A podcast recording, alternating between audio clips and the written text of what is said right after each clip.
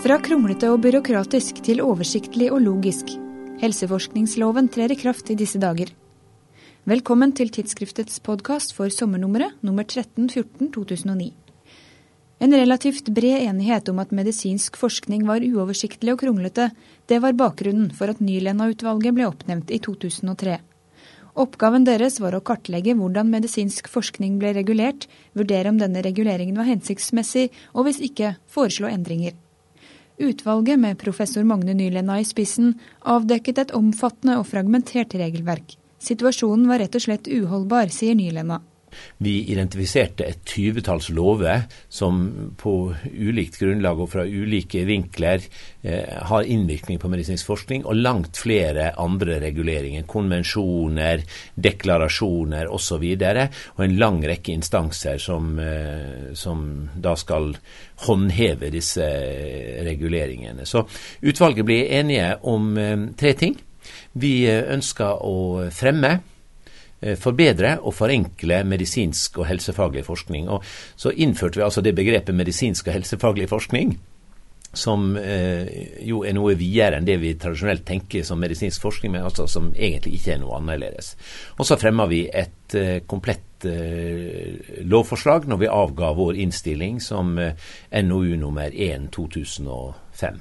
Lærte for øvrig da underveis at et utvalg har ikke lov å fremme forslag til lov, det er det bare Stortinget som kan gjøre, men vi kunne lage da utkast til eh, lov, og det gjorde vi. Etter en omfattende høringsrunde med over 100 høringsinstanser og mange sterke meninger, og en relativt langvarig behandlingstid i Helse- og omsorgsdepartementet, ble loven vedtatt med mindre endringer våren 2008. I sommer, nærmere bestemt 1.7, trer loven endelig i kraft. Mye har skjedd i løpet av de seks årene det har tatt. Det har vært en spennende prosess. I mellomtiden har vi jo hatt eh, en del hendelser i norsk medisinsk forskning. Bl.a. Eh, forskningsfuskaffærer, som nok har vært med på å øke bevisstheten om eh, lovgivning og regulering på feltet. Så det har jo skjedd en del underveis. og Det er også interessant å merke seg at vi ble oppnevnt av én helseminister. Vi avga innstillingen til den eh, neste. Det var den tredje som eh, fremma saka for Stortinget, og det er nå den fjerde helseministeren eh, som da er sittende når loven trer i kraft. Nylenda mener den nye loven er godt nytt for norske forskere. Den forenkler bl.a. forskningen ved at den erstatter mange andre lover som har noe med forskning i seg, men som er lagd på andre premisser. Mest fornøyd er Nylenda med lovens formålsparagraf. For I motsetning til mange andre land som også har en slags lov for medisinsk og helsefaglig forskning, så er det ofte sånn at eh, hensikten med disse lovene i andre land altså, er å forhindre skadevirkninger eller begrense ulemper og sånne ting. Men den norske lovens paragraf 1, den lyder Lovens formål er å fremme god og etisk forsvarlig medisinsk og helsefaglig forskning. Det er altså en positiv eh, formålsparagraf som understreker at medisinsk og helsefaglig forskning er en grunnleggende og ønska samfunnsnyttig aktivitet. Hovedpoengene for øvrig det er at eh, det skal bli enklere å starte forskningsprosjekter. Hele søknadsprosessen forenkles, og det blir færre instanser. I utgangspunktet så ønsker vi oss da én lov og én postkasse, som vi sa. Dvs. Si at vi ønsker at det skulle bare være én instans som skulle søkes når et forskningsprosjekt skal eh, starte opp.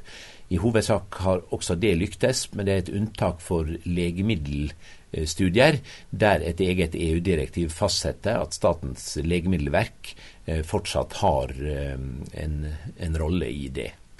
Så vi si, organiserer eh, loven en del felt som tidligere har vært uavklart og uorganisert. Det legger et tydeligere ansvar på institusjoner, f.eks. eksempel, vi innfører, sier vi fordi det var utvalget som foreslo det, men loven innfører begrepet forskningsansvarlig, som er noe helt nytt. Eh, og som er den institusjonen som står bak en prosjektleder, som fortsatt skal være en, en person av, av, kjøtt og blod. Men en forskningsansvarlig vil normalt være en institusjon, et universitet, en, et helseforetak, et farmasøytisk firma eller tilsvarende, som skal ha et overordna ansvar over tid for eh, internkontroll, for forsikringer, for eh, på en måte disse varige elementene i et eh, prosjekt eh, som jo kan iblant løpe over mange, mange år. Eh, og så eh, gir den nye loven da en del muligheter som tidligere var litt uavklart. F.eks. det med forskning på barn, forskning på personer med begrenset samtykkekompetanse, som, som det heter, som nå blir, blir tydeliggjort. Og så innfører lova nok et uh, nytt begrep, nemlig såkalt bredt samtykke. Bredt samtykke vil si at det gis anledning til å innhente samtykke fra forskningsdeltakere til å bidra eller delta i forskning på et uh, område, og ikke bare ett bestemt uh, prosjekt. Tidligere har det vært sånn at man må presisere hva man gir samtykke til. F.eks. en blodprøve kan bare undersøkes med bestemte metoder. Hvis det da utvikles en ny undersøkelsesmetode i mellomtiden, så kan man faktisk etter dagens, eh, eller gårsdagens lovgivning da, ikke bruke den metoden uten å gå tilbake og spørre pasienten eller forskningsdeltakeren om eh, tillatelse til å bruke den nye metoden. Så det breie samtykket det, det gir eh, nye muligheter. På den andre side så er det nå en forutsetning at det skal lov, være hjemlet i lov hvis man skal ha unntak fra uh, samtykke. Så samtykkebestemmelsen blir faktisk innskjerpa i den nye lova, i motsetning til hva man kan ha fått inntrykk av i diskusjonen underveis. Ja, for det har fått en del kritikk, bl.a. på dette feltet. Ja, Det har vært noe skepsis. Noen har lurt på om dette er en liberalisering i den forstand at det nå blir for enkelt å drive medisinsk uh, forskning. Uh, jeg, tror jeg kan berolige eh, skeptikerne på det feltet med å si at det blir på ingen måte det. På, på mange vis er dette en innstramming på det feltet. Men eh, det må ikke bli sånn at det er umulig å drive medisinsk forskning på de svakeste gruppene, som f.eks. barn eller demente eller ved akutte skader. Det skal reguleres strengt, men det må ikke være umulig å drive slik eh, forskning. En nøkkelinstitusjon i den nye loven blir de regionale komiteer for medisinsk og helsefaglig forskning, REC, som har fått utvidet ansvar og myndighet. Fra nå blir dette den eneste instansen forskere må forholde seg til, bl.a. ved forhåndsgodkjenning av forskningsprosjekter. Disse eh, komiteene som er sammensatt av medlemmer både fra forskermiljø, fra forvaltning og, og med pasientrepresentanter, skal bli forelagt alle søknader. Eh, og nå blir det slik at det blir reelle søknader som enten da innvilges, man får lov å starte et eh, forskningsprosjekt, eller det blir avslått. Og i ettertid så skal også rekkene få en sluttrapport fra forskeren, eh, og alt det skal legges inn i et åpent register, slik at alle i Norge skal kunne vite til enhver tid hva som pågår av medisinsk og helsefaglig forskning, og også hvilke resultater som eh, er oppnådd eller funnet. Så det blir en økt åpenhet i forskningen. Og at også negative resultater kommer frem? Det er også en del av forpliktelsen. Nylenna mener det er rekkene som kommer til å avgjøre om loven blir vellykket. Hvordan mestrer de den store utfordringen de nå får?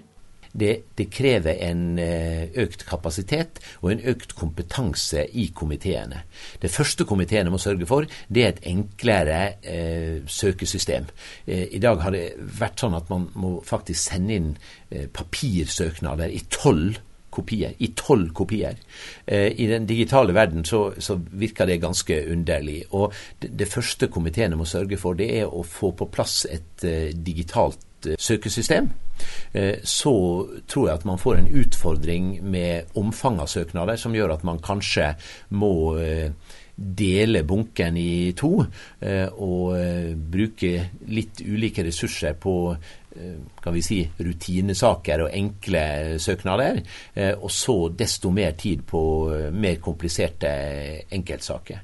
Og Faren er selvfølgelig at det blir problemer og flaskehalser i REX-systemet.